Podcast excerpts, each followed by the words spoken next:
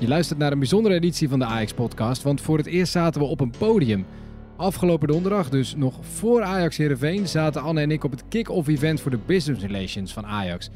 Je zult merken dat het anders klinkt dan je gewend bent, zo'n volle zaal. Maar blijf vooral luisteren, want dan hoor je onder andere wat Erik ten Hag doet ter ontspanning. Ja, er zijn verschillende manieren. Hè, en Voetbal kijken. Eh, voetbal kijken, nee. Serieus? Ga je dat En we vroegen aan de directeuren van Ajax hoe het nou precies is gegaan met die transfers van Tadic en Blind vorig jaar. Ja, dan was de vraag, kan je dan eh, eh, misschien uh, Dusan Tadic halen uit Engeland? Kan je misschien Daley Blind halen? Maar goed, we hadden commercieel dusdanig sterk jaar gedraaid uh, dat we ze allebei konden halen. Dat, maar eerst schoven Donny van der Beek en Klaas-Jan Huntelaar bij ons aan.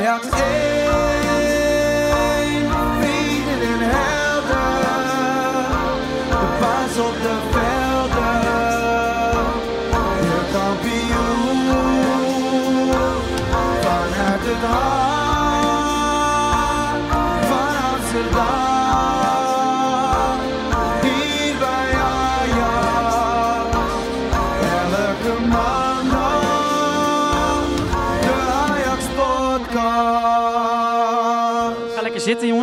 Ja, Het publiek is hier net, ehm, eh, laten we maar gelijk te beginnen. Het publiek is hier net warm gemaakt met een filmpje van alle hoogtepunten van vorig seizoen. Ik vraag me dan af, is het, zit het nog in een sportman, Donny, om bij jou te beginnen, om daar ook nog veel aan te denken, aan wat er vorig seizoen is gebeurd? Of kijk je alleen maar vooruit? Nou, je kijkt sowieso vooruit, maar af en toe dan, eh, ja, tuurlijk denk je er wel eens aan terug. Want ja, dat was natuurlijk een heel bijzonder seizoen en eh, ja, sommige dingen die wil je gewoon meenemen weer naar het nieuwe. Ja, waar denk je dan aan? Nou ja, aan de hoogtepunten, hè, het kampioenschap, eh, Europees, ja, het was gewoon eh, echt een eh, geweldig seizoen en ja, die lijn die wil je nu doortrekken. Ja. Klaas-Jan, eh, jij hebt een stuk langere carrière dan, eh, dan Donny. Kijk jij misschien iets meer terug eh, dan hij? Of ben je ook alleen maar bezig met, met de aankomende wedstrijd tegen Heerenveen? Ehm, ja, eigenlijk hetzelfde als Donny. Ehm, af en toe kijk je wel eens terug eh, in de vakantie. Eh, niet echt terugkijken, maar meer eh, de film zeg maar, weer afspelen, een beetje voor jezelf. In je hoofd? Of ga je je ook echt hoofd, op YouTube nog even hoogtepunten zitten terugzoeken? Nee, eigenlijk niet. Ja, de kinderen kijken af en toe wel eens hoogtepunten en dan eh, zie je wel eens wat voorbij komen. Maar googelen ze dan op Ajax of op Klaas-Jan Huntelaar? Op allebei. en jij Donny? Eh, nee, niet, kijk niet terug op YouTube, maar soms zie je nog wat dingen op eh, social media of wat dan ook voorbij komen. En ja, dan, dan denk je er wel gelijk bij terug. Ehm, als we aan eh, vorig seizoen denken, dan denk ik bij Klaas en Huntelaar ook echt ontzettend aan Bernabeu. En dan misschien niet eens wat Ajax daar op het veld gedaan heeft, maar dat jij, ik denk wel een stuk of acht keer weer uit die kleedkamer terug bent gelopen. En heel hebt staan, zwaaien. Wat weet je eigenlijk nog van die avond? Nou, ik ben eh, eh, heel weinig vergeten, moet ik zeggen. Eh, nee, het was een fantastische avond. Een hele mooie wedstrijd natuurlijk, daar begonnen bij. Ehm, we wisten dat we een goed resultaat moesten halen daar. En wij waren er ook van overtuigd dat het kon. Alleen de buitenwereld, die, ja, die keek toch iets sceptischer, denk ik. Ehm, ehm, dat merkte je ook wel. Maar uiteindelijk denk ik dat we dat fantastisch gedaan hebben. En, ja, die wedstrijd natuurlijk, die ontlading. Ehm, ehm, daarna hebben we nog eh, met z'n allen even genoten. Dus het was ja, een fantastische avond. Maar ik, ik- jullie, je zegt, ik- wij dachten allemaal, dat we kunnen dit. Maar er zijn toch 32 teams die meedoen in de Champions League die allemaal denken dat ze het kunnen. Ja, tuurlijk. Maar kijk, eh, eh, je merkte wel van buitenaf dat iedereen dacht Real Madrid is... die hebben geloof ik drie, vier keer die cup gewonnen. Dus er werd toch met andere ogen naar gekeken. En eh, eh, wij merkten eigenlijk al vanaf Bayern uit eh, ja, dat, er wel, dat er wel aardig wat in zat. En natuurlijk moet je ook een beetje geluk hebben en moet alles op zijn plaats vallen. Maar dat gebeurde ook. En dat dwing je denk ik ook zelf af door met elkaar alles duidelijk te hebben. Met de trainerstaf eh, tot en met de spelers, eh fysio's, noem maar op. Ja, het begin van het seizoen vorig jaar, dat begon stroef. Voel je dat dan langzaam ook in het jaar eh, veranderen? Ja, zeker. Al het begin is, is soms een beetje stroef. Ik denk, dit jaar hadden we een beetje hetzelfde. Begon het ook even wat stroef. En uiteindelijk vind je elkaar, vind je het team en dan gaat dat vanzelf lopen als het goed is. En zo is dat vorig jaar ook gegaan en eh, zo gaat het dit jaar ook. Eh, Donny, is dat dan één moment geweest of zo waar dan je het gevoel hebt, nu begint het te werken? Is dat een wedstrijd die bijvoorbeeld heel lekker ging? Nee, maar op een gegeven moment, je moet allemaal even de tijd hebben om elkaar te wennen, zeg maar. En ook ja, jongens die nieuw komen, hè. Dat, op een gegeven moment, ja, dan begint iedereen... eh, Of was het het moment dat jij in de basis kwam misschien? Nee, nee, nee, nee. nee. Dat, Moet je Nee, maar... nee, maar op een gegeven moment komen er steeds vaste patronen in. Hè? Druk zetten, noem maar op, al, al die eh, facetten. Ja. Op een gegeven moment weet iedereen wat hij moet doen en ja, dan gaat alles vanzelf. En iedereen begon er ook in te geloven en eh, ja, dat is het allerbelangrijkste. Ja, maar Je zegt het gaat dan vanzelf, maar is dat dan ook echt zo? Ik bedoel, het ziet er heel makkelijk uit op een gegeven moment als het een geoliede machine is. Is dat, is dat ook zo? Nou ja, daar moet je natuurlijk wel heel veel voor doen, maar eh, ja, op een gegeven moment dan gaan de dingen wel, hè, dan weet je wat ik zeg, dan, dan begin je elkaar te wennen en krijg je zelfvertrouwen. En ja, dat zijn allemaal echt dingen, ja, die heb je wel nodig om Maar- veel succes te hebben. Wij zijn allemaal geen topsporters hier, dus wij weten niet precies wat dat is op het hoogste niveau aan elkaar wennen. Maar is dat dan dat als jij de bal krijgt, dat je al weet hoe Neres gaat lopen of waar Ziyech is, of eh, eh, eh, dat je dat aanvoelt? Ja, natuurlijk. En iedereen kwam op een gegeven moment in zijn kracht terecht. En ehm, ja, dat, dat, dat zag je gewoon. Iedereen voelde zich vrij. En de jongens, eh, Hakim, eh, die kon ze neerleggen waar hij wilde. En dat, ja, dat, dat zag je gewoon terug. Klaas-Jan, jij was onze eerste gast in de Ajax-podcast. Eh, we spraken jou in december. Toen zaten we een beetje te vissen naar hoe dat ging eigenlijk. Of je, hoe het met je contract zat en of je nog doorging met voetballen. Ehm Donny, heb jij eigenlijk enig moment gedacht... Shit, Klaas-Jan gaat er misschien wel mee stoppen? Elke dag toch? Ja, nee.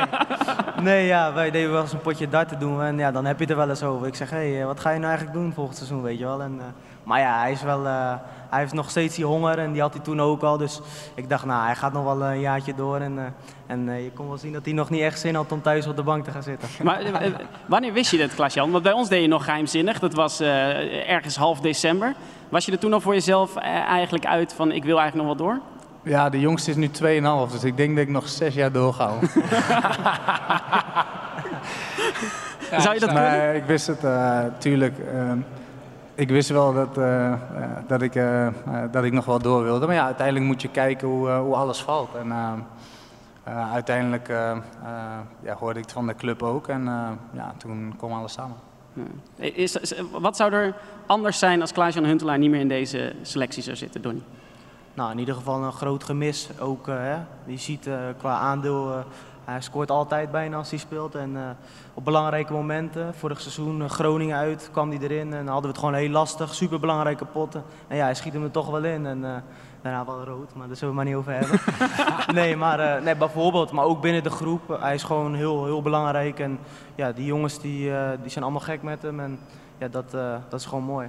Want waar zit het hem dan in? Zo, Het is altijd belangrijk om een beetje ervaring in, in de selectie te hebben. Maar wat heb jij aan Klaas-Jan gehad? Wel, heel veel. Ook in moeilijke periodes zegt hij ook, ja, dat, eh, dat heeft hij ook allemaal meegemaakt en dan heb je het erover. En ja, dat, wat je dan wel en niet kan doen, dat is altijd, altijd Maar eh, lekker. komt hij naar jou toe? Of ziet hij dat aan je? Of ga je echt naar hem toe met eh Klaas-Jan, hoe deed jij dit? Nou, allebei wel. De ene keer komt hij wel, zegt hij, hey, je kan beter zo of zo doen. En ook wel eens dingen, ja, dat ik aan hem vraag van, hey, hoe of wat. Ja, dat, dat daar hebben we zeker over. Ja. Wij hebben ook Edwin van der Sar te gast gehad, een paar weken geleden. En eh, nou, die zat ook, laten we zeggen, die was over de helft van zijn carrière, zeg maar. Eh, en toen kreeg hij een belletje. Goed, die, die vraag eh, werd gesteld door Johan Cruijff eh, toen ik eh einde van mijn carrière, carrière was in Manchester. Inderdaad, zou je erover na willen denken? We willen graag eh, voetballers in de directie krijgen. Natuurlijk moet je, moet je, moet je goede begeleider krijgen. Eh, ik heb een masteropleiding in sportsmanagement gedaan. En eh, ja, ik ben ingesprongen eigenlijk. Eh, wat als jij zo'n belletje zou krijgen? Poeh, dat is eh, een lastige vraag. Daar hoef ik nou nog niet over na te denken eigenlijk. Ehm, ja, ik zou het niet weten. Ehm, Maar hij is nog echt een, echt bij de dag, dus eh, wat dat betreft, ja, dat zie ik dan wel. maar hij is nog echt een, een, een opleiding gaan volgen, een master. Zou dat iets Ja. voor je zijn? De schoolbank in? Ehm, ik denk dat het wel thuis. even wennen is, maar eh, eh, ja, het zou kunnen. Ik, ik- ik vind het ook leuk om dingen te leren, om eh, nieuwe dingen te ontdekken. En eh, ja, misschien is dat wel iets. Ehm, maar Ja, ja, dit goed, is natuurlijk echt, dit is echt ook de andere kant. Hè. Veel spelers worden natuurlijk trainer. Ik denk dat iedere speler daar, Donny, misschien jij ook zelfs wel eens over nadenkt. Van, nou, misschien word ik ooit een keer trainer. Ik heb er nog niet veel over nagedacht, Nee, dus echt ik hoop nooit? nog wel even, even te voetballen. Nee, maar je hebt heel veel focus op gewoon één ding, denk ik. Ja. En, eh, en dat is voetballen, dat is presteren, dat is met je lijf bezig zijn. eh, proberen beter te worden, alles te geven, alles eruit te halen. En, eh, daar zit die focus op. En dan eh, ga je eigenlijk niet denken aan andere dingen. Want dan, Anne, dat we, zitten een in, we beetje zitten in een dode gang. We, krijgen, Ja. we gaan het niet Nee, over... De, de, de- Klaas-Jan Huntelaar denkt niet aan stoppen. Zoveel Nooit. is wel duidelijk. Een jaar geleden niet en nu nog steeds niet. Maar tegelijkertijd, jouw generatiegenoten, die nemen eh, één voor één afscheid. Eh, en eh, zijn eh, lang niet meer zo fit als dat jij bent. Hoe kan jij verklaren dat jij dan nog eh, in deze fase van de carrière zo ongelooflijk fit bent? Want je, je kan 90 minuten gewoon nog eh, blijven gaan en, en afjagen, toch? Ja, maar... eh, Of slaat hij gewoon- af en toe over, Donny? Nee, nee, nee, zeker niet. Nee. nee, ja, even, En na die 90 ik minuten denk dat weer het gewoon een keer focus, weet je wel. Dus eh, als je iets wil, dan, eh, dan kan je dat ook bereiken. En eh, uiteindelijk geeft, eh, geeft het lichaam dat wel aan, denk ik. En tot dat moment hoef je er niet aan te denken. Maar ben je misschien wel door je carrière heen met de jaren een andere voetballer geworden? Een ander soort spits? Ja, dat denk ik wel. Ehm, ik denk aan het begin was ik echt heel erg gefocust op goals. Eh, en nu is dat een heel klein beetje minder. Nou is dit, dit is het kick-off event. Hè? Dat vond ik eigenlijk een beetje vreemd. Want voor jullie voelt het waarschijnlijk toch ook alsof dit seizoen eigenlijk al lang begonnen is, of niet? Eh, Nee, zeker. Dat, eh, als je dan toch terugkijkt, ja, je bent toch weer met het nieuwe bezig. En, ja, dan, eh, maar het is wel altijd wel leuk om, nog, eh, ja, om daarover te praten. misschien, misschien is het voor jou wel een klein beetje anders natuurlijk. Nu zit je met je blessure. Ja. Eh, ik denk wel dat jij misschien in je hoofd zoiets hebt van nou, als ik terug ben, dan gaan ze pas echt weer zien. Nee, ja, wel, tuurlijk. Daar ben je wel, hè. Die, eh, als je even een tijdje niet speelt, ja, dan, dan heb je eigenlijk wel door hoe erg je het voetbal mist. En eh, laat staan stoppen, hè, dan eh, helemaal. Maar nee, dat, eh, dan waardeer je echt het voetbal pas. Want hoe, hoe, word jij als jij niet kan voetballen? Word je dan zagrijnig? Nou, soms wel, ja. Dan, eh, als we op de tribune zitten en je ziet eh, die jongens voetballen of trainen, dan, ja, dan wil je graag weer meedoen. En dan mis je dat gewoon. Ja. Was Want- je, was je zenuwachtiger voor Ajax Apel toen je geblesseerd was dan, eh, dan je geweest was als je op het veld had gestaan? Ja, eigenlijk wel, ja. Ja, zeker. Ik was echt eh bloedzenuwachtig. En waar, waar, eh, hoe uitte zich dat gedurende de dag bijvoorbeeld? Nou Ja, ja, iedereen appjes gaan sturen? Nee, maar toen de wedstrijd begon, ja, het was natuurlijk een superbelangrijke pot en iedereen weet wat er ja, op het spel staat. En als je ja, in het veld staat, dan ben je daar niet zo mee bezig. Dan ben je meer bezig met het spel en ja, niet, niet, eh, ja, dat is gewoon een heel ander gevoel eigenlijk. Tegelijkertijd werd de druk ook heel erg eh, opgevoerd, zeker na de 0-0 uit eh, op Cyprus voor die wedstrijd. Uh, Klaas-Jan, had jij toen eh, net zoveel vertrouwen in als, eh, als iedereen in Nederland of meer? Ik had er wel heel veel vertrouwen in, omdat eh, ik vond dat we daar op Cyprus niet zo goed speelden. Ehm, eh, je ziet ons team. Natuurlijk waren er ook nog wel wat ja, vraagtekens, zeg maar. Eh, je moet het wel doen. Als zij één keer scoren, dan, eh, ja, dan, dan moet je zelf twee keer scoren. Dus Ja. is ook wel lastiger. Dus er zit wel een bepaald gevaar in die wedstrijd. Maar ik had wel eh, het vertrouwen dat wij dat thuis af zouden maken. En, en tijdens die wedstrijd er werd een, een, doelpunt van jou afgekeurd. Ja, daar begreep ik helemaal niks van. En gelijk daarna vloog hij er aan de andere kant in. Ja. Dacht je toen nog, hij werd afgekeurd natuurlijk, maar dacht je toen nog één seconde, het zal toch niet gebeuren hier? Nou ja, ik stond zelf met mijn hand omhoog, dus ik was ervan overtuigd dat, eh, dat het buitenspel was. Jij liegt nooit erover. Maar ja, je weet nooit met die VAR. Als het achteraf blijkt dat iemand anders in je rug, bij wijze van spreken, eh, een metertje erachter staat en dat het eh, geen buitenspel is, ja, dan eh, ben je doodziek van. Hoe was het bij jou op de tribune, Tony? Had jij enigszins het idee wa- waarom die goal werd afgekeurd? Ehm nou ja, eigenlijk niet, maar ik zag iemand blokken, dus ik dacht ja, dat, dat zal daarvoor zijn. En eh, ik vond eigenlijk meer raar dat hun eh, geen rode kaart kregen. Dat kon ik helemaal niet begrijpen. Dat was eh, zeker een eh, rode kaart. had al vroeg in de wedstrijd, eh, Ja. eigenlijk eh, was dat, had dat kunnen gebeuren. ja. En, en, en, eh, ik gewoon even nieuwsgierig hoor, maar in de rust ga je dan nog enigszins proberen om invloed uit te oefenen? Ga je nog appjes sturen? of, eh? Nee, nee, nee, nee, dat niet. Maar eh, nou ja, de spanning die blijft en eh, uiteindelijk hebben we gewonnen. En, eh, ja, dat, eh, vroeg in het seizoen, telt maar één ding en dat is plaatsen voor de Champions League. En uiteindelijk hebben we dat gedaan. Je, je, je had het net over dat er dan zoiets groeit in een seizoen, zoals vorig jaar. Er zijn een paar spelers weggegaan, er zijn eh, een aantal spelers nieuw bijgekomen. Hoe anders is het dan om daar vanaf de eerste training... Is, moet je dan echt weer helemaal aan iets nieuws bouwen of moeten die anderen inpassen? Hoe gaat zoiets, Klaas-Jan? Jij hebt het vaakst opnieuw een eh, seizoen opgebouwd, geloof ik. Ja, zeker. Ehm, eh, ja, daar moet je zeker aan wennen. Elke speler is weer anders. Ehm, als je Frenkie neemt bijvoorbeeld, die is natuurlijk ja, heel erg slim. Die weet wat er, ah, wat er om hem heen gebeurt, eh, 360 graden. Ehm, eh, een goede dribbel, eh, een hele complete speler. En het is moeilijk om, eh, om die te vervangen gelijk. Ja. Je krijgt nooit eenzelfde type speler terug. Het is altijd weer ietsjes anders. Die ander heeft weer andere kwaliteiten. En daar moet je als team dan op inspelen, zodat die jongen ook weer tot zijn recht komt. En als eerste moet hij natuurlijk zelf wennen. Eh, komt van een andere club, wordt ander voetbal gespeeld. En eh, ja, dat is vaak het lastigste. Eh Donny, als laatste, eh, ik zat nog wel te denken, de, de meest legendarische wedstrijd denk ik van Ajax vorig seizoen is toch eh, Juventus uit. Eh, en dan zien we vooral vaak het doelpunt van eh, De Licht, de, de 2-1. Maar jij maakte de 1-0. Dus ik denk voor zo'n hele zaal, en Matthijs de Ligt niet, kun jij nog één keer beschrijven hoe dat doelpunt ging? En wat, wat, er, wat, er, wat jij zag en wat jij deed bij dat doelpunt? Kan je hem nog voor je halen? Ja, zeker, tuurlijk. Ik weet hem nog heel goed. Maar hier ga ik even voor zitten. Dit, dit is toch heerlijk? Ja. Nee, nee ja, ik zag eh, Hakim geloof ik of zo, die wou een volley doen en eh, hij raakte hem helemaal goed. Maar ik dacht, nou, ik, ik had wel het gevoel, hij kan wel eens bij mij komen. En eh, ja, mijn eerste aanname was goed en eh, ik schoot hem binnen en, en dan denk je nog altijd, ja, is het buitenspel of niet? Ik dacht in principe gelijk van niet, want ik voelde dat er een verdediger eh, ja, eh, niet op één lijn stond.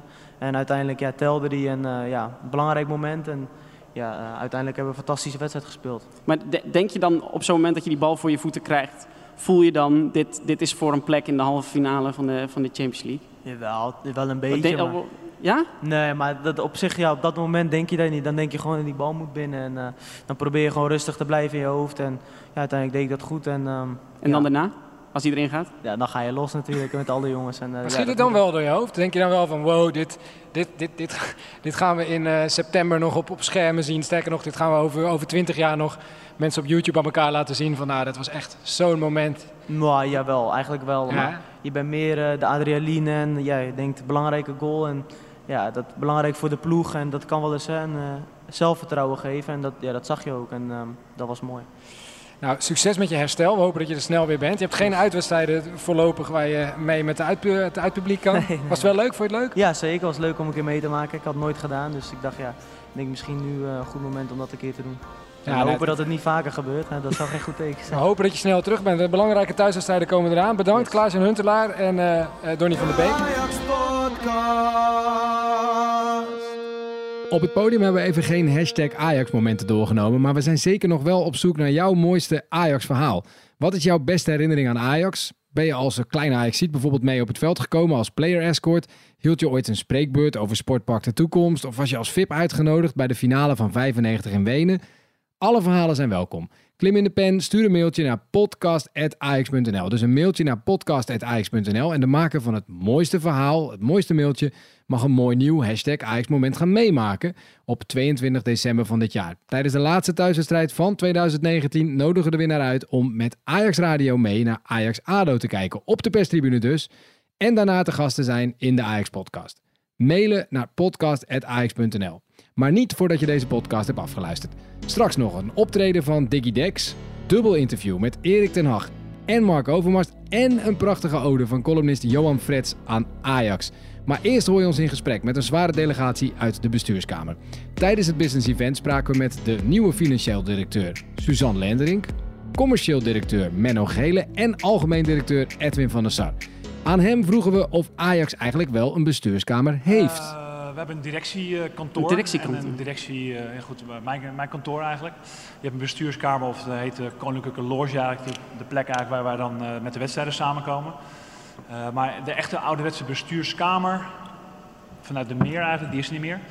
Hoewel ik wel, een, eh, mijn tafel waar ik aan zit, is, eh, die komt daar nog vandaan. Heeft ook het, eh, het oude het Ajax-logo eigenlijk. Eh, dus dat is eigenlijk nog wel een eh, ja, leuke anekdote, denk ik. Zeker. Want, eh, Want, want jouw, eh, jouw kantoor is sowieso een, bijna een museum. Wat heb je er allemaal staan? Ik heb daar dat hele lelijke shirt wat jullie net zagen, eh, hangt er ook. Waar ik de Champions League mee, mee, mee heb gewonnen. de Mijn hand- handschoenen. Mijn handschoenen, de medaille. Ja, voor de rest wat, wat foto's, wat prijsjes eh, die je links en rechts nog wat heb, eh, heb verdiend eigenlijk eh, tijdens mijn carrière. En eh, wat, eh, wat eh, ja, eh, bekertjes, Ja. En- die van clubs of... Wat bekertjes. of- of- Dus bijvoorbeeld de Europees keeper van het jaar. Eh, ja, die heb, die heb ik niet staan. Ik heb, ik heb eh, de penaltybokaal van de F2 van, eh, van de VV Ameide. Die heb ik wel. verschil moeten zijn. Maar Suzanne, toen jij daar voor het eerst binnenkwam in dat kantoor en je dat zag, wat dacht je toen? Nou, ik dacht, nu ben ik wel echt bij Mag een je iets meer in de microfoon praten, kan iedereen het horen? Nu zijn we echt bij een club binnen. Ja, Hè, dan eh, ja, begint wel echt eh, tot de verbeelding eh, te spreken. want, Ja. want wat is het grote verschil tussen eh, in een bestuur zitten van een voetbalclub en van de, de bijenkorf waar jij van Ja. Nou ja, ik denk dat een club meer is zeg maar, dan een bedrijf. En het is zeg maar, naast een club zijn ook ja, gewoon een, een, een organisatie. Ja. En ja, ik vind het wel een mooie dynamiek. Natuurlijk heel veel belanghebbenden. En eh, nou, vooral die, die gezamenlijke passie, dat eh, maakt het wel heel bijzonder. En een ander sentiment van alles. Heel hier. ander Ja. sentiment, Is dat ja. wennen? Dat is wel wennen, maar ik vind het wel heel positief, want die ja, energie is echt voelbaar. En eh, ja, het is, het is mooi om, om, dat, om dat mee te maken en te voelen. Ja. Wa- wat, dacht jij toen je voor het eerst in het kantoor kwam van, van Edwin van der Sar? Herkende je gelijk het shirt? Nou, ik was er eerder dan Edwin, dus ik dacht, Oh ja. shit, ik had het kantoor wel willen hebben. Maar goed, ja, dat is... eh, nee, tuurlijk, die shirts herken ik zeker. Dus eh, ja, ik, ik wou net een grap maken dat mijn prijzen ook in, de, in mijn kamer hingen. Maar ja, het zijn, Maar je- je hebt is, wel ook, is ook een penaltybokaal Maar volgens je hebt wel hele mooie dingen ook in je kamer hangen. Zeker. Wat heb jij hangen? Nee, ik heb eigenlijk twee muren. Eén muur heb ik, eh dat is een mooie quizvraag, maar dat denk ik te lang voor. Alle debutanten die scoorden in hun eerste wedstrijd. Dus eh, van Riedewald tot, eh, tot Van Basten. Maar telt de beker dan ook mee? Ja, wat, daardoor kon ik Nouri ophangen Ja. en, eh, en Matthijs. De licht. Eh, ja. ja. Dus eh, ik heb Pelle Clement niet opgehangen. Dat is eh, altijd gemis. Maar eh, verder niet. En aan de andere kant, eh, ja, de commerciële dingen waar wij trots op Ja. zijn. Maar, maar dit zijn echt twee voetbalkamers. Heb jij ook een voetbalkamer ingericht, Suzanne? Of is het Nee. wat zakelijker? Nee, ik heb eh, de kamer nog van mijn voorganger, zoals die eh, was Ja. en nog steeds is. Nog niet de Dus, behoefte eh, gehad daar even flink eh, de bezem door te halen? Nee, ik eh, was eh, nog even druk met, eh, met andere dingen. Misschien is het Ja. beter om eerst aan het beleid te gaan werken. Ja, precies. Dus dat, eh, ja. Ja, toen we Edwin te gast hadden in onze podcast, eigenlijk waren we bij jou te gast, want we zaten dus op dat eh, kantoortje. Eh, maar toen zei je eh, dat je als algemeen directeur vooral voor, voor wil zorgen dat de andere directeuren beter functioneren. Uiteindelijk ja, heb ik heel lang heb ik mijn verdediging aangestuurd om te zorgen dat we naar voren moesten. Ja, nu vergelijk ik het heel erg veel dat je ja, ook je andere aan, directieleden aan het aansturen bent om nog steeds met dezelfde goal. Maar zei je al, Menno, jij was er eerder dan hij. Hoe doet hij dat, het aansturen van jullie? Nou, ik denk wel op een hele bijzondere manier. Dat heb ik ook al eens tegen hem gezegd. Ik, bedoel, eh, ik denk dat hij ons heel goed helpt, aan de ene kant. Eh, eh, het is niet zo dat hij denkt, nou, jullie hebben gestudeerd, dus doe maar lekker en ik hoor het wel. Maar ook niet, ja, ik ben Edwin van der Sar, dus je moet het gewoon zo doen zoals ik het zeg. Maar juist daar precies een hele mooie middenweg. Dat we wel goed kunnen sparren, maar ook de vrijheid krijgen om je Maar- eigen input Maar te tegelijkertijd is hij wel Edwin van der Sar. Ja. En ik weet niet of ik gelijk vol een discussie aan zou willen gaan met, met, met, de keeper die Ajax heel veel mooie prijzen heeft gedaan. Vond je dat moeilijk? Eh, nou, valt denk ik wel mee. En als je elkaar, eh, wat is het, eh, we werken zeven jaar samen, spreken elkaar iedere dag. Als je dan nooit de discussie aangaat, dan wordt het wel Nee, maar de eerste saai. keer. Eh, nou, weet je nog de eerste? Edwin, Nee. weet jij nog de eerste discussie? Even Ja, romantisch discussie niet eigenlijk, maar goed, uiteindelijk eh, gewoon, ja, wil ik niet gezien worden als keeper. Nee. Je, je hebt nu een tweede carrière, ben je, ben je begonnen eigenlijk. En die, eh, ja, die wil je ook tot een succes maken. En natuurlijk word je, eh, goed, we zijn ook vaak in het buitenland. En, eh, of Menno is er vaak met mij, of we zijn samen op pad. En ja, de, de, de hoeveelheid de keer dat hij een telefoon in zijn handen gedrukt krijgt om een fotootje te maken. Dat, eh, hè, dus ik heb me altijd een persoonlijke fotograaf mee in, in Menno. Dus ja, op een gegeven moment slijt dat wel. Dus op die manier ehm, is het voor mij normaal en ik voor hem ook eigenlijk. En, en ik, ik- ja, je wil gewoon directeur zijn, je wil zorgen dat de club goed gaat. En dat ik inderdaad een carrière gehad als voetballer zijn, ja, dat is afgesloten. De shirtjes heb ik ook eh, in, in vuilniszakken vol bij mijn ouders staan. Eh, dus op die manier eh, klaar en we zijn over tot een, tot een volgend iets. Suzanne, is Edwin van der Sar een, een bijna doorsnee algemeen directeur dan? Want ik, ja, eigenlijk hoor ik bijna dat hij dat het liefste wil zijn nu. Nou, doorsnee zou ik het ook niet willen noemen. Maar eh, nee, ja, ik, ik ben natuurlijk net gestart. Ja. Dus, eh, maar het, eh, ja, ik, het, het vertrouwen wat je krijgt, dat, eh, nou, ja, dat maakt wel inderdaad eh, dat, dat je je eigen weg eh, kunt vinden. En eh, dat is eh, tot nu toe heel positief. Eh, Edwin, wij weten sinds die podcast die we met je opnamen ehm, dat jij de hele wereld over reist om Ajax te verkopen. Waar ben je de afgelopen tijd geweest? Eh, de afgelopen tijd, ik ben eh, eh, vrijdag ben ik naar Frankrijk geweest. Eh, maandagochtend om 7 uur vloog ik naar Genève toe. Ik landde eh, dinsdag eind van de middag hier in Amsterdam. Ben ik woensdagmiddag ben ik naar Manchester gevlogen. Dat was gelukkig privé. Ik speelde gisteravond een wedstrijdje, afscheidswedstrijd van eh, of de testimonial van Vincent Company. Dus een helftje mogen spelen. En, Nul gehouden? Nee, helaas niet. Na 37 seconden lag die bal er al in. dus dat denk ik dat wordt een hele lange avond. Sorry.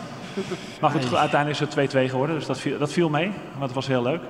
Eh, en vanochtend, vanmiddag eigenlijk om eh, het een uurtje of half vijf eh, land ik. Snel naar huis, douche, naar, douche gepakt en eh, zijn we hier. Maar volgende, eh, even kijken, volgende maand eh, ja, dan gaan we een week samen met Menno gaan we naar, eh, naar Amerika toe.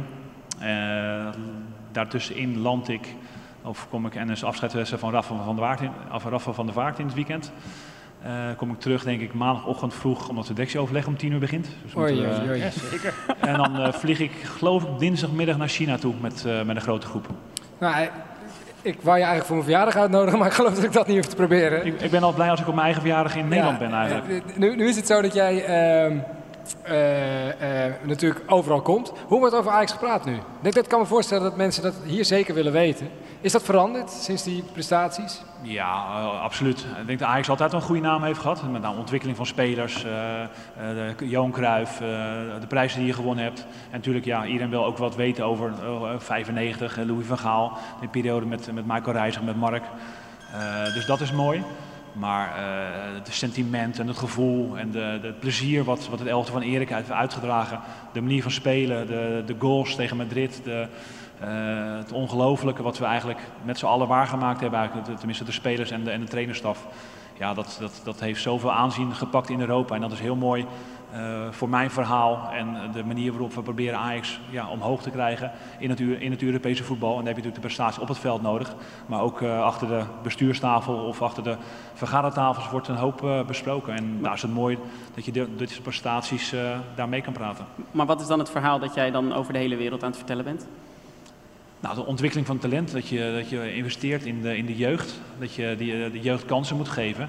En op die manier, eh, de fi- volgens de filosofie die Ajax aanhangig maakt eigenlijk, Ja. ja, eh, kan presteren op het veld. En ook met een lager budget, een lage begroting dan eh, de 800 miljoen eh, of de, de 700 miljoen die, eh, die, eh, die Juventus en, en Real Madrid hebben. Maar toch met een, met een uitgekiende strategie, een tactiek om te spelen en, en, en jongens bepaalde richtlijnen mee te geven. En ja, veel plezier uitstralen. Dat alles is samengevat in For the Future, geloof ik. Eh, wie heeft dat bedacht? Dan eh, komen wij bij de afdeling van, eh, van Menno. eh, Ja, maar dat is de marketingafdeling, maar dat is eigenlijk eh, in de gezamenlijkheid. Kijk, wat, wat we als Ajax vinden, je, je moet altijd bezig zijn met de toekomst. Eh, iedereen uiteraard, met de korte toekomst. Je moet zaterdag winnen. Maar ik denk dat we bij Ajax ook altijd bezig zijn met de echte toekomst. Hè. Vandaag is ook weer de onder negen getraind om te zorgen dat we over tien jaar ook nog een Donny van der Beek op het middenveld hebben. We proberen ook de jeugd eh, te inspireren eh, en te binden dat we over 30 jaar ook nog een volle arena hebben. En ik denk dat we heel erg moeten investeren in de toekomst als we geschiedenis willen schrijven. Eh, je kan het eh, niet los van elkaar zien. En eh, ja, dat verhaal kunnen we dan schitterend vertellen als het ook echt lukt. Dat je met eigen jeugd, met zo'n filosofie, Europa kan veroveren. Ja. als het dan ook lukt en als Erik met zijn team dat ook presteert, ja, dan versterkt het elkaar natuurlijk geweldig. Maar om bij het commerciële te blijven, betekent een, een sportief topjaar ook een commercieel topjaar? Staan de bedrijven nu in de rij allemaal in je mailbox van ik wil erbij, ik wil erbij, terwijl deze hele zaal al zo lang vol zit? Ja, nou, ja, het is een terechte vraag. Kijk, sommige dingen hebben direct invloed. Als je meer wedstrijden speelt in de Champions League, verkoop je ook meer kaartjes. Als je heel goed speelt, dan verkoop je meer shirts. Eh, maar gelukkig is het niet zo dat al die bedrijven nu in de rij staan. Eh, want dat zou zomaar betekenen dat als je zo'n seizoen hebt als 17, 18, eh, waarin we geen Europees speelden, geen kampioen werden, dat we alle sponsoren weer kwijt waren. En dat is gelukkig niet zo. We proberen commercieel, en dat kan natuurlijk niet helemaal, en dat is gelukkig ook niet nodig, zo sportief onafhankelijk mogelijk te presteren. hè. En op zich het seizoen 17, 18, dus het sportief zeg maar dramatisch of slecht seizoen, was commercieel het beste seizoen ooit. Eh, waardoor we eigenlijk in de zomer van 18 eh, wel eh, geld te besteden hadden. Want waar zat dat succes dan in dat jaar? Ja, dat, dat, dat sponsoren en dat de mensen hier in de zaal hun business seat en de skybox toch verlengden, ondanks dat het seizoen misschien niet bracht sportief wat we dachten. Dat sponsoren toch geloofden in, in het For the Future verhaal of in andere dingen. Dat ze toch aan Ajax verbonden wilden blijven, ook als we een jaar geen kampioen werden. Ja, en uiteindelijk natuurlijk, als je dan wel weer zo'n jaar als vorig jaar beleeft, ja, dan is het vliegwiel helemaal aan. Maar ook de jaren daarvoor hebben we wel denk ik een goed genoeg basis gelegd. En dat betekent dat je in de zomer van 2018 eh, er niet zo eh, commercieel gezien eigenlijk best goed voor stond. Ja. Eh, terwijl het sportief misschien het sentiment bij de fans was nou, matig. Wat betekende dat voor jullie in de directie? Wat, eh, eh, heb je daar maatregelen op genomen? Kon, kon je toen meer? Had je ruimte? Ja, nou kijk, als je eh, een- een begroting bij Ajax wordt eigenlijk vooral gemaakt op hoeveel hou je commercieel binnen. Hè? Op, op transfers kan je niet echt een, een begroting maken. Nou, het is dus 17, 18 eh, ja, slecht jaar. Dus in de, in de zomer van 18 zaten we met z'n allen bij elkaar. Eh, en Mark zei ook, ja, we moeten eigenlijk wat ervaring erbij halen om dit team eh, te versterken. Als het over voetbal gaat, dan houden we ons meestal stil. Maar dat was een terechte opmerking. Ja, dan was de vraag, kan je dan eh, misschien Dusan halen uit Engeland? Kan je misschien Daley Blind halen? Maar goed, we hadden commercieel dusdanig sterk jaar gedraaid, dat we ze allebei konden halen. Ja, en dat, dat motiveert voor ons en eh, voor allemaal collega's eh, van de afdeling die hier ook in de zaal zitten. Ja, dat is onze bijdrage. Hè. We, dat- we hebben een hele zit- kleine bijdrage, maar dat is wel ja, waar wij voor zijn. Maar ben, ben jij dan degene die dat zegt? Ben jij die, degene die zegt, ik zit even te rekenen jongens? Ja, het, reken- het rekenen laat ik een andere over, maar eh, ja, daar, daar komt het natuurlijk wel op neer. Hè. Ik denk dat, eh, dat de prestatie is. Ja, we hebben eigenlijk maar één doel. Wij moeten zoveel mogelijk geld ophalen, zodat we het kunnen investeren Maar- in de toekomst en in, in het eerste elftal. Maar ik als leek denk dan altijd, ja, we hebben het jaar daarvoor bijvoorbeeld eh, Sanchez verkocht voor 42 miljoen. Nou ja, Ja. dan heb je dat over om, eh, om blind en... eh, maar jij zegt, zonder Nou, ons je- commercieel succes nee, hadden we dat niet kunnen doen. Nou kijk, transfersommen, die haal je eigenlijk ook weer los uit. Hè? Als je de Sanchez verkoopt, of nu heb je natuurlijk een geweldige transfersommen, kan je ook weer hoge transfersommen betalen om mensen te halen. Maar salarissen en, en dat soort zaken, ja, die worden natuurlijk over jaren doorbetaald. Ja, je kan wel, oké, we hebben nu Sanchez verkocht, we halen nu vijf spelers, dan is het geld op. Ja, maar die spelers moet je ook de komende vier jaar eh, salaris geven. En dan is het wel lekker dat er bedrijven zijn zoals hier die dat eh, meehelpen. Daarom is die combinatie inderdaad met, met voetballers, eh, Mark en ik in directie en Menno uh, Jeroen Slop, hè, die heeft natuurlijk 20 jaar gedaan en nu met, uh, met Suzanne. Ja, die combinatie is gewoon mooi, dat je inderdaad het op voetbalgebied kunnen we richten en Mark heeft zijn scouts uiteraard, de input van Erik. En op die manier kijk je inderdaad, wat heeft het elftal nodig? Ja, vandaar dat zijn we met elkaar aan het rekenen, aan het kijken, uh, hoe gaan we dat doen? En het is ook niet zo dat we natuurlijk uh, in, de, in de, ja, de jaren daarvoor mm-hmm. natuurlijk Champions League wel gespeeld, ook spelers verkocht, spelers gehaald. Ja, op een gegeven moment moet je gaan kijken, hoe kunnen wij gewoon die Europese top aanhaken? Hoe kunnen we dat weer gaan halen? En daar, ja, we denken in het jaar, ach, uh, voor het seizoen 18, 19, uh, hebben we denk ik daar inderdaad wel een hele grote stap in gemaakt. Met wat men al zei, de, de aankopen van, van Dusan en van Daly. Wat normaal gesproken, ik denk dat Daly voor 16 verkocht hebben een jaar vijf geleden. En voor 17 teruggehaald. En dat is eigenlijk niet echt waar Ajax normaal gesproken voor staat. Het is goedkoop inkoop of goedkoop uh, een talent vinden. En uh, zorg dat je succes hebt, uh, win titels. En daarna maak je de volgende stap. Uh, en dat is eigenlijk nu eigenlijk de omgekeerde weg is gebeurd met, uh, met Dusan en, en Daly. En dat stond er dus allemaal prima voor, Suzanne. En dan, dan kom jij uh, midden in de transferperiode. vond je dat moeilijk? Nou, het was wel een vuurdoop, om het uh, zo maar te zeggen. Was dus, het gekker dan de Dolderwaarse dagen? Ja, ja. mooi. mooi. Nee, maar het was heel mooi. Dus, uh, nee, en daar hadden we natuurlijk uh, miljoenen kleine transacties. En uh, dit was meteen een, een hele grote miljoenentransactie. En dan denk ik toch, als je toch op je eerste dag zit, kijk je dan toch even snel op de rekening? Nee, Jij kan dat. Ja, ik kan dat. Het was niet de eerste dag, wel de Oh, eerste week. eerste om week? op de betaalknop te duwen. Dus ja, maar nee, ja. Is dat een machtig gevoel?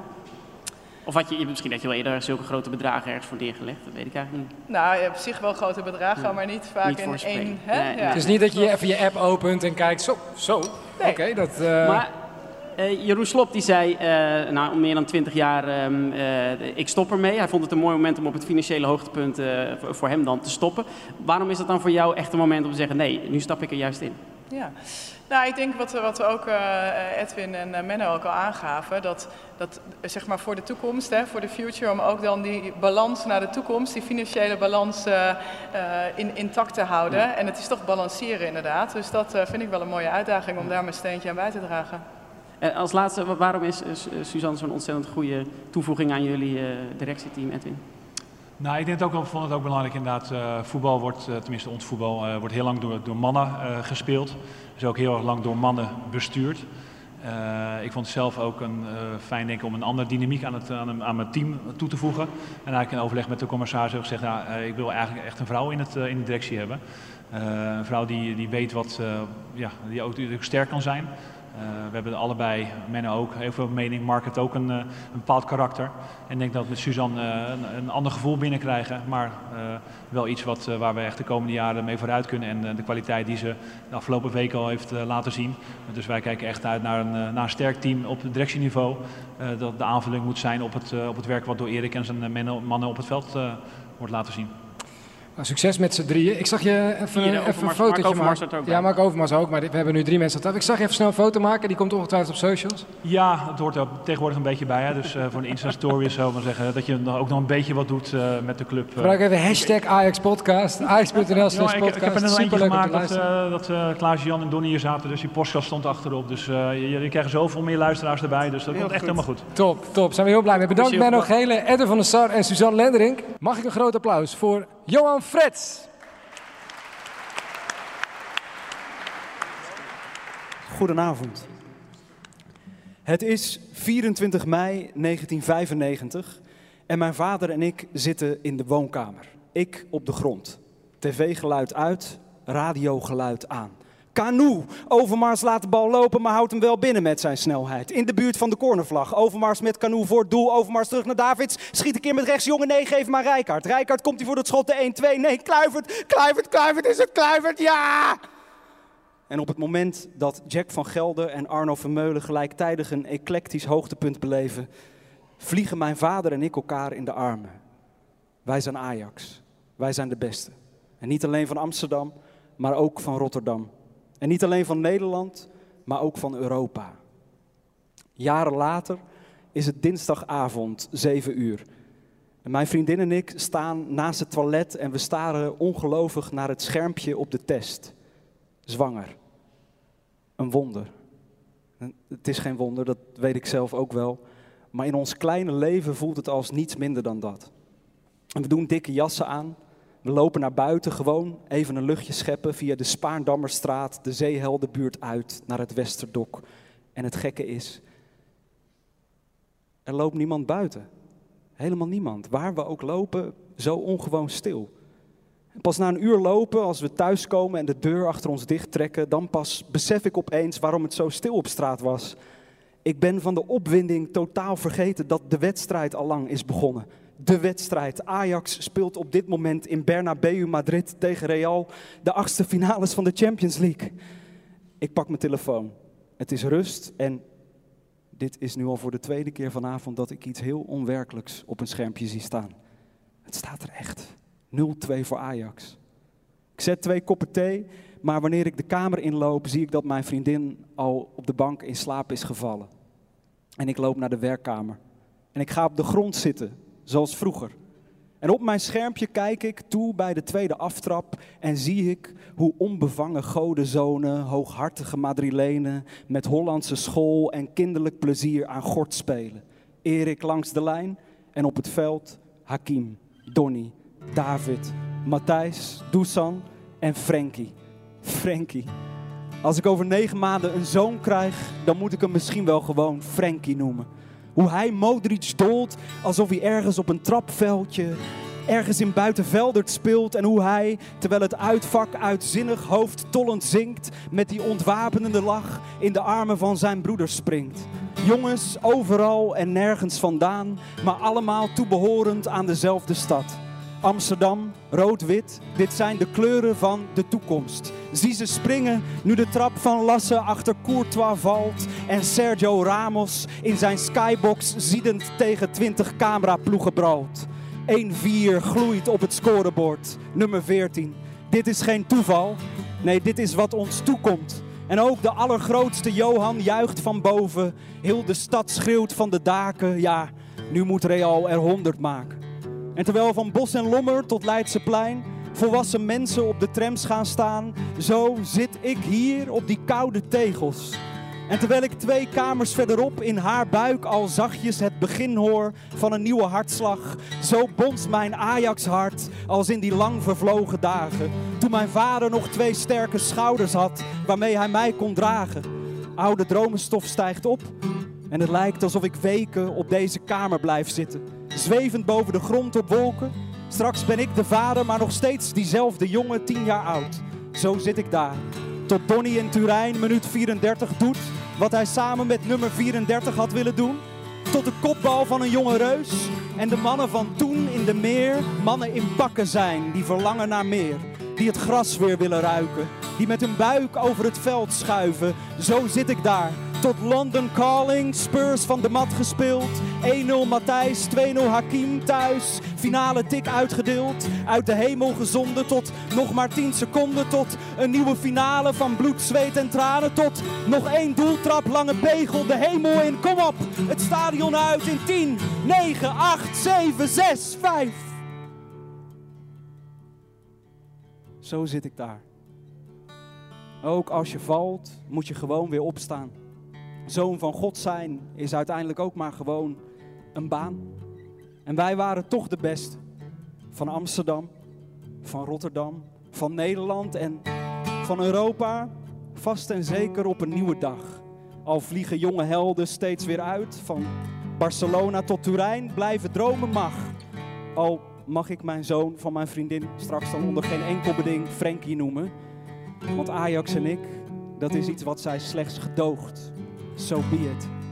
Three little birds pitched by my doorstep, singing sweet songs of melodies pure and true. This is my message to you. Everything is gonna be alright.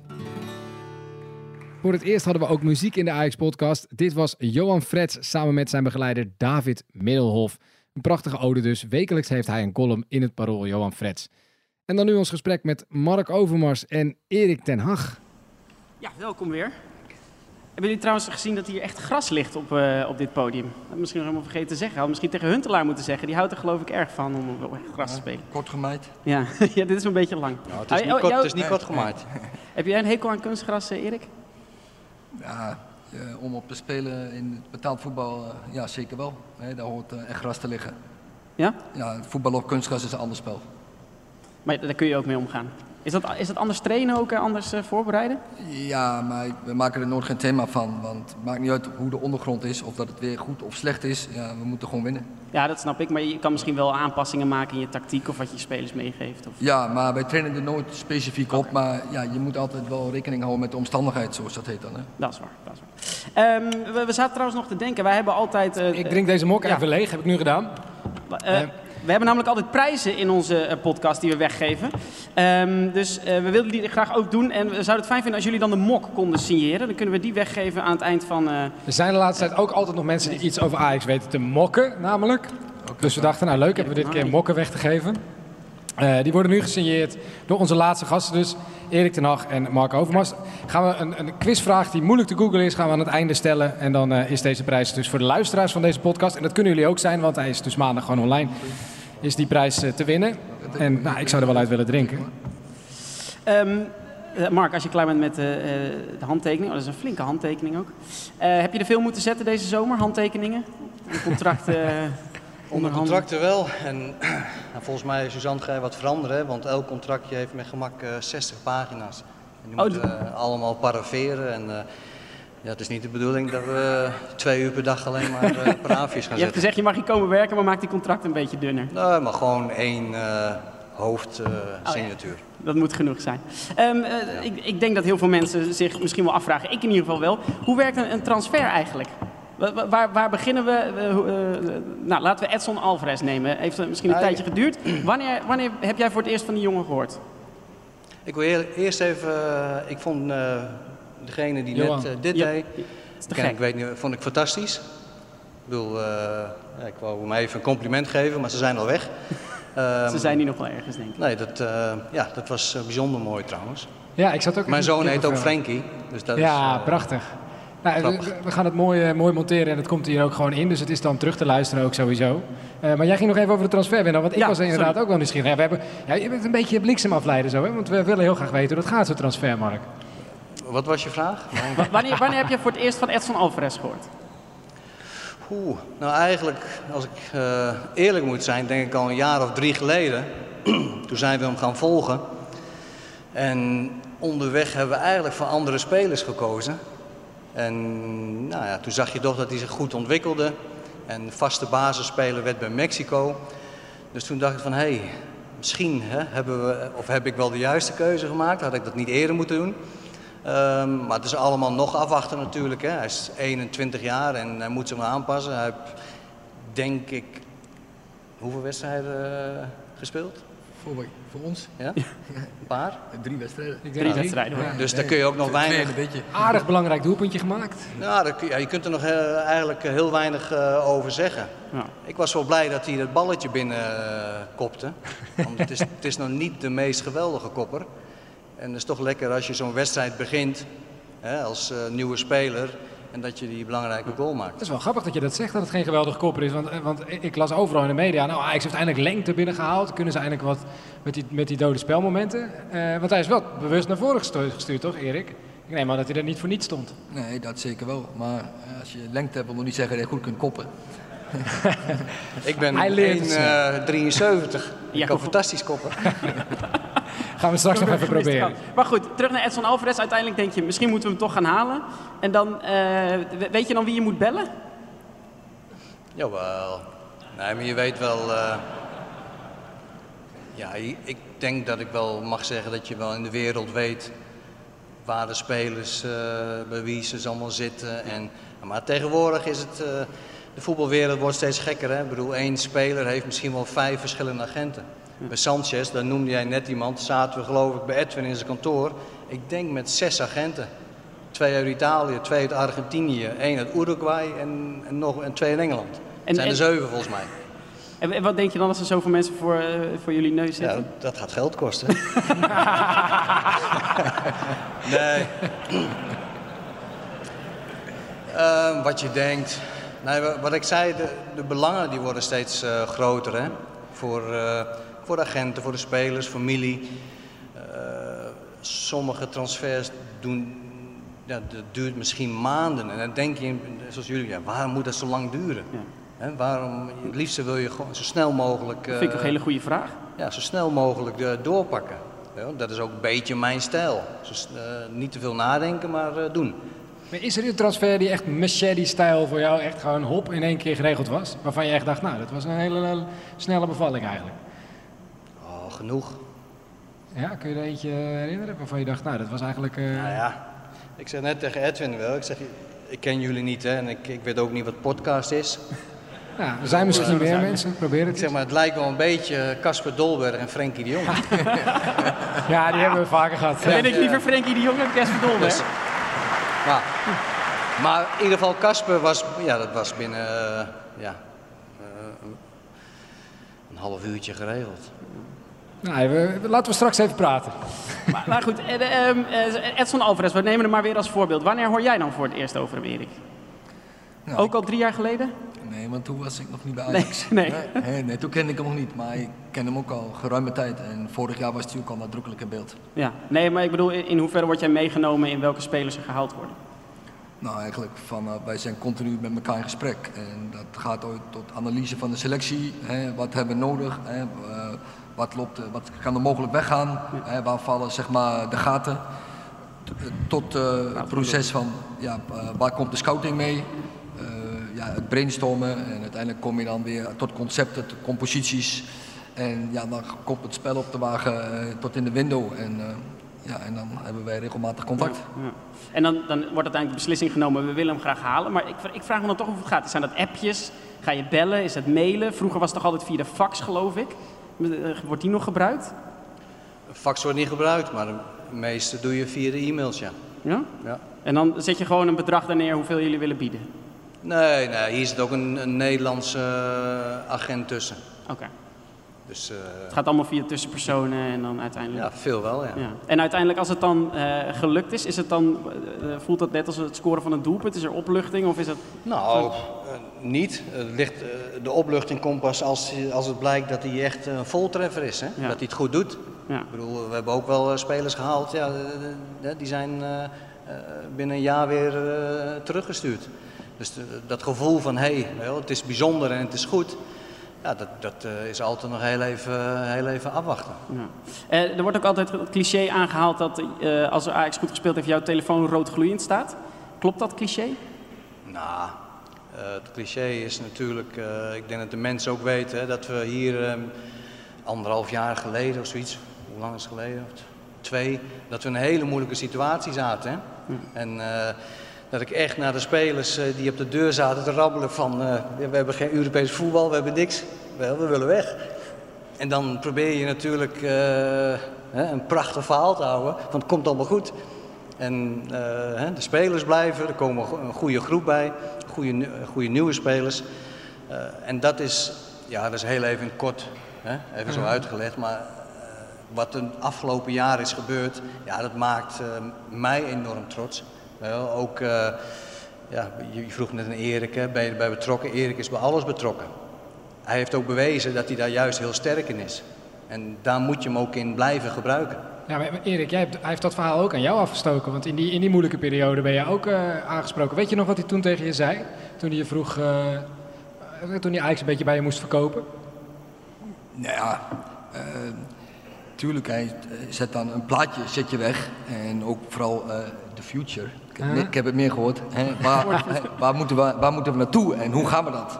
En ja, dan ga je met elkaar in gesprek en dan ben je met elkaar aan het brainstormen hè, hoe, je dat, eh, hoe je dat aanpakt. Ja, en eh, jij moest, geloof ik, klopt dat eh, Mark, als ik het verkeerd zeg, Eh, jij moest Euro- eh, Ajax Europa-proof maken, dat was de opdracht toch? Ja, hè, Mark heeft het daarover gehad, maar ik dacht met name ook de termen. De, destijds kwam van Leo van Wijk hè, in Portugal. Eh, zaten we kort na mijn aantreden, zaten we daar samen te praten in, in Portugal. En eh, toen zei Leo van ja, kampioen word je dit jaar niet meer. En ik zei hoezo niet, vijf punten achter, dat is, eh, dat is te overbruggen. Nee, zegt hij, vergeet dat nou, bouw het team en zorg, volgend jaar moeten we Europa in. En had je het niet over Champions League, nee, maar het over, over Europa. En dat is denk ik eh, ja, het punt waar we eigenlijk vorig jaar zomer stonden en dat uiteindelijk gerealiseerd hebben. Alleen niet in Europa, alleen we kwamen in de Champions League. Ja, dat ging behoorlijk inderdaad. Maar wat waren de stappen die jij ondernam om dat te bereiken? Wat waren de eerste stappen waarvan jij dacht, als ik dat doe, dan gaan we richting Europa-proof? Nou, je maakt eerst een scan van, eh, van de mogelijkheden en onmogelijkheden van de selectie in, eh, in die eerste weken, maanden. En ondertussen begin je te werken aan de speelwijze. En, ja, en dan eh, gezamenlijk in gesprek, hè, dan je denken aan de compositie van een elftal, hoe moet dat eruit gaan zien. En ja, zo kom je stapje voor stapje kom je eigenlijk dichterbij en heb je ja, toch richting het einde van het seizoen heb je wel heel duidelijk voor ogen van wat heb je nodig. Nou, het is net al besproken dat eh, wij kwamen, ja, we hebben echt ervaring nodig. Wil je Europa-proof zijn, dan eh, we hebben heel veel goede jonge talenten, maar die hebben sturing nodig. Sturing nodig in het veld van jongens die klappen van de zweep al kennen. En daar zijn we nadrukkelijk naar op zoek gegaan. En ja, dat is toch wel een heel traject geweest. Ik kan me nog herinneren dat Mark en Henk destijds eh, naar Southampton zijn geweest om, om Dusan te overreden hè, om, om mee te gaan hè, op de trein die eh, wij in gang hadden gezet. Nou, en later kwam Daly kwam ook in beeld. Ja, en dat waren denk ik, eh, ja, eh, ik denk voor iedereen op dit moment kunnen we zeggen dat waren twee voltreffers. En, en appen ze jou dan vanuit Southampton van, nou, dit gaat wel lekker, dit, eh, dit komt wel goed? Nou, ik, ik denk dat die. Misschien heb ik wel een appje gestuurd. zeker. Want eh, hun speelden voor degradatie en bij degradatie was alles in eh, kan en kruiken. Dus ja, je hoopt eigenlijk dat ze. Want er zitten krijgen. clausules in het contract en dan eh Ja, clausules en eerste visie, dat is natuurlijk. Dus eh, ja, je hoopt natuurlijk hè, dat het. eh, hè, Scoorde Tadic toen niet een hele belangrijke goal voor hun? scoren er twee. Ja. Dus ik zei tegen Henk, ik zeg, wat? Oh, dus ik zeg, ik zeg, we kunnen weer naar huis. Die was zo ziek van dat ze, ja, dat ze die wedstrijd wonnen. Nou ja, Henk zei joh, laten we toch maar gaan eten met. Hè, Daar gaan we toch iets van maken. Nou, eh Dusan keurig de tijd genomen, keurig eh, ontvangen. Maar dan, ja, dan denk je, jongens, dat gaat wel. Dat, eh, ze bleven er ook in. Ja, dat het dan net goed uitpakt. Hè, dat is, soms moet je een beetje dat, hè, dat geluk hebben. En ik denk dat ik tijdens de wedstrijd stuurde van, ja, piep. Zeg maar. Ja, ja, ja, van het gaat nooit lukken. Z- Zat je thuis ook die wedstrijd te kijken met dit in gedachten? Of heb je die wedstrijd helemaal niet gezien? Nee, want het was op een zaterdagmiddag en wij waren in voorbereiding op, eh, op onze eigen wedstrijd. Ja. Maar maar dan lees je dat misschien nog wel even. Maar dan ben je dan eigenlijk ook alweer bezig met het, het volgende seizoen. Ja, het is vaak eh, toch schaken op twee borden. Ja. Ja. Ben je nu alweer met het volgende seizoen ook bezig? Of is dat misschien nog wat Hij niet. Hij niet. Jij wel, natuurlijk. Ja. Want hoe gaat dat dan? Nu alweer Gewoon. scouting, vi- video's kijken. Nee, maar dat gaat eigenlijk, eh, ze zeggen ook wel, zeg maar, oh, nu is het rustig, hè, seizoen, eh, transfer, seizoen voorbij. Hè. Ik zeg maar, dat is eigenlijk, eh, ja, eh, het gaat altijd door. Dat, Ja. Ik bedoel, dat, dat gaat, eh, ja. Maar Erik, voor jou afgelopen weekend, ik kan me zo voorstellen dat het eventjes, dat je eindelijk eventjes een beetje achteruit komt, toch? Het interlandweekend. Ja, dat heeft ook zeker plaatsgevonden. Ook een stukje ontspanning. Hè. Maar het was toch weer een hectische zomer. En die begint op 21 juni. En eigenlijk, ja, niet eigenlijk, augustus is gewoon de belangrijkste maand voor Ajax. Hè. Eh, De kwalificatie Champions League, eh, ja, daar moest alles voor wijken. En terwijl ik dat zeg, eh, alles voor wijken, maar alles heeft er niet voor gewe- geweken. Want ja, wij gaan op eh, idiote omstandigheden, Ja. moeten wij ons voorbereiden op die wedstrijden in de voorronde van de Champions League. Want spelers die spelen Afrika Cup, ze spelen Gold Cup, ze speelden de Copa America. En ze stromen in en zonder voorbereiding, zowel fysiek als natuurlijk ook qua speelplan, ga je de competitie in. Mhm, maar nu heb je dat dus gehad. Dat, wat, ik, wat ik vroeg was, dit, heb ik, dit begrijp ik. Maar dan heb je afgelopen weekend misschien je telefoon even uit kunnen zetten. Nee, want nu gaat het seizoen beginnen. Hè, nu we dit hebben, en nu kunnen wij verder plannen. En eh, dus wij zijn de afgelopen dagen heel druk geweest met voorbereiden en met plannen. eh, de komende periode, maar ja, ook vooral eh, richting de winter. Hoe gaan we dat aanvliegen? Eh, Wat voor planning is dat dan? Nou, bijvoorbeeld, we hebben eh, wat, wat, in, eh, wat al gepland was, eh, was vier jongens overhevelen van de kleedkamer van Jong naar de kleedkamer van 1. Dat is vandaag gebeurd, hè? En dat, dus vandaag heeft dat officieel zijn beslag gekregen, maar er zit gewoon wel een heel proces aan vooraf. Wat, wat, wat is het verschil? Eh, Noah Lang is er eentje. Dest is geloof ik nu officieel, maar die speelt al een tijdje ook met de eerste selectie mee. Wat verandert er nu dan toch nog voor die jongens? Want voor mijn gevoel zaten ze er al een tijdje bij. Ja, maar voor mij is die kleedkamer. Hè, en Ja. alleen die. en niet, Maar het is gewoon fysiek zo dat zij na een training in een andere kleedkamer zitten dan de Tot nog- Neres, eh, Donny van der Beek, Klaas Huntelaar. Tot nog toe wel, ja. En dat was zo omdat we natuurlijk ook, ja, we hadden een vrij grote kleedkamer zoals we begonnen zijn. Maar er zijn dus ook een aantal spelers uit vertrokken, zoals Kesper Dolweg, zoals Rasmus Christensen, zoals Dani de Wit. En daardoor eh, hebben we nu ook ruimte gecreëerd om deze spelers eh, in te brengen. Maar eigenlijk is en, en zo hoort het ook. Het is natuurlijk verlopen, want de jongens hebben hun plek afgedwongen. En het mooiste voorbeeld is natuurlijk Dest inderdaad. Ja, even Erik, even, dit zijn allemaal mensen die hier in de zaal zitten die business relations zijn. Dus dat zijn ongetwijfeld ook allemaal keihard werkende mensen. Maar als ik je zo zie, denk ik, ontspan je wel een beetje. Je, nee, maar dat, ik zei ook, het was tweeledig. Hè? Dat is ook tijd voor ontspanning geweest. En hoe, Maak je geen hoe, zorgen. hoe ontspan jij? Nou ja, er zijn verschillende manieren. Hè? En ik- Voetbal kijken? eh, voetbal kijken, nee. Nee, serieus? Ga je dat thuis? nou ja, ik heb Duitsland, Nederland heb ik wel Oh, ja, naar, tuurlijk, eh, ja. Daar heb ik wel naar gekeken. Ben je trots ja. op de jongens dan? Strand. Ja, oh, strand zijn we niet geweest. Nee, maar trots. Ik zeker trots. Hè. Ik denk dat we, ja, dat was toch een klassieker die we ons denk ik nog heel lang blijven herinneren. En ik denk ook eh, Ajax-spelers of spelers die tot voor kort of langer bij Ajax hebben gespeeld een hele belangrijke rol hebben vervuld. En ja, dus daar heb ik van genoten van die avond. Hebben jullie eh, een vraag misschien? Ja, we zijn ondertussen heel druk in gesprek geweest. Maar is er misschien iets in jullie hoofd dat een eh, moeilijke vraag kan zijn, die moeilijk te googlen is, die we aan de, aan de prijsvraag kunnen hangen? Hier pak ik het weer even over. Mark en Erik bedachten een vraag, maar het antwoord zeiden ze ook meteen. Dus die ga ik nu hier stellen. Als je de Ajax-podcast elke week luistert, dan moet je het antwoord zeker weten. Dus wil je kans maken op de twee Ajax-mokken die Erik ten Hag en Mark Overmars signeerden, dan moet je het antwoord weten op de vraag... Wat is er gebeurd met het overhemd dat Mark Overmars droeg op de avond van de fameuze buikschuiver in Turijn? Let op, niet mailen, maar vul je antwoord in via het prijzenformulier op ajax.nl slash podcast. De winnaars van de blind en blind shirts krijgen zo snel mogelijk bericht. Hier gaf Daly het antwoord op de vraag wie er naast hem in de kleedkamer zitten. Karel Eiting en Neres zit naast mij. En dit waren de clubs waar Yvonne, de vrouw van Danny Blind, heeft gebasketbald. Ze heeft gespeeld bij, ze is begonnen bij eh, Dynamo, dat is in Middelburg geweest. Wij komen uit Zeeland. eh. daarna is ze naar, waar ik geboren ben in Soeburg, naar BVS gegaan, basketbalvereniging Soeburg. En uiteindelijk zijn we naar Amsterdam verhuisd, nadat ik de transfer naar Ajax maakte. En toen heeft ze nog één jaar eerste divisie gespeeld bij eh, Racing Amsterdam. Hier nog het toetje van de avond. Een speciaal optreden van de Amersfoortse Ajax-ziet Diggy Dex. Goedenavond mensen. Ehm, ik wil ten eerste iedereen even bedanken hier voor het komen. Dank jullie wel voor de komst. Ik wil Diederik, Anne bedanken voor de podcast. Dus geef ze een groot applaus. En ehm, ik heb eh, vorig jaar stonden J.W. Roy en ik zelf ehm, op de dag van Ajax Real Madrid in de Ziggo Dome tijdens een viewing party werd ons gevraagd om iets te schrijven wat het gevoel kon vangen. En ik had zoiets van, ik vind het zo mooi om te zien hoe deze jongens grotendeels uit de eigen jeugd groot zijn geworden. En daar had ik een tekst op geschreven, op eigenlijk op een hele bekende melodie.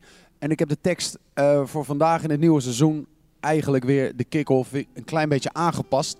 Dus ik heb mijn telefoon meegenomen voor mijn tekst, want ik heb hem vanmiddag geschreven. Zo fris is dat. Dus, dames en heren, Jan-Willem Roy. Dit leven is zo kort. Veel dingen worden anders als je ouder wordt. Je speelt nu nog met blokken, maar dat duurt niet lang. Het is jammer, maar je blijft niet klein. Kijk jullie nou eens staan als een ware kampioen. Een zeer terecht slot van een prachtig seizoen. Maar dat was toen en we kijken nu vooruit. De eerste prijs al binnen, de schaal van Johan Cruijff, plus de winst tegen Basel. Tijd om te blazen, de tegenstanders in de Champions League te gaan verbazen. Resultaten uit het verleden, geen garantie voor het heden. Maar ik proef de honger van alle spelers. Kleine mannen werden groot en grote mannen kwamen terug. Yeah. De perfecte balans op het veld. Met z'n allen hier naar voren, als het moet ook met z'n allen weer terug. Jullie laten het ze zien, opereren als een team. Strijders vieren Koen met een prachtige techniek. Ik zeg tegen mijn zoon, kijk ze nou eens lopen. Misschien word je straks net als hun, een hele grote. Dit leven gaat voorbij. Er is zo weinig tijd, dus leven jij bent vrij.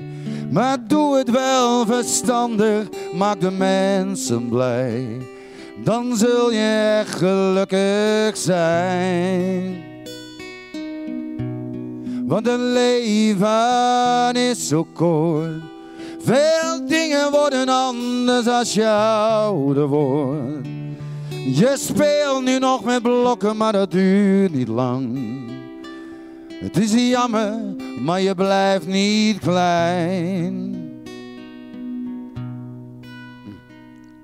En ik sta hier als een fan, maar ook gewoon als mens. Zo mooi om te zien het verleggen van de grens. En misschien is het met een nieuwe ploeg even wennen. Maar echte strijders laten zich niet kennen. Want één ding is zeker, jullie geven alles. Maakt niet uit van elke speler wie er aan de bal is. Want de winst baal je samen als een rood-witte scharen. Geen enkele club die ons kan evenaren. We zijn terug in Europa, dus bedankt voor dat. Uit de grond van mijn hart een kampioen vanaf de start. De schaal is weer een mokum en ik blijf geloven. Over negen maanden tillen wij weer omhoog. Kleine mannen werden groot en grote mannen kwamen terug. Ik zeg tegen mijn zoon, let goed op, want het leven gaat soms veel te vlug. Dit leven gaat voorbij. Er is zo weinig tijd, dus leven jij bent vrij. Maar doe het wel verstandig, maak de mensen blij. Dan zul je echt gelukkig Jullie mogen meezingen, zijn. dames en heren. Want het leven is zo kort. Veel dingen worden anders als je ouder wordt. Je speelt nu nog met blokken, maar dat duurt niet lang. Het is jammer, maar je blijft niet klein. Kleine jongen. Dank jullie wel, dames en heren. Veel plezier bij de bol. Tot zover het kick-off event voor Business Relationships. Bedankt voor het luisteren van de bijzondere 30ste aflevering van de Ajax Podcast. Bedankt voor het maken van onze openingstune, Ruben Anning. Voor het open gesprek, Klaas-Jan Huntelaar en Donny van der Beek. Voor hun kijkje in de bestuurskamer, Suzanne Lenderink, Edwin van der Sar en Menno Gele. En thanks voor de bemoedigende woorden, Erik ten Hag en Mark Overmars. Bedankt ook nog Johan Frets, David Middelhoff, Dickie Dex en JW Roy voor de Ajax-liefde. Vergeet je niet voor deze podcast te abonneren en stuur wat liefde door in een review iTunes. Wist je trouwens dat Richard Witsche volgende week 50 wordt? Om het te vieren is hij te gast in de komende editie van de Ajax Podcast. Als je vragen aan hem hebt, contact mij op Twitter of Instagram via @diet6 of mail ze naar podcast@ajax.nl. Tot volgende week na Ajax Liel en PSV Ajax. Fingers crossed.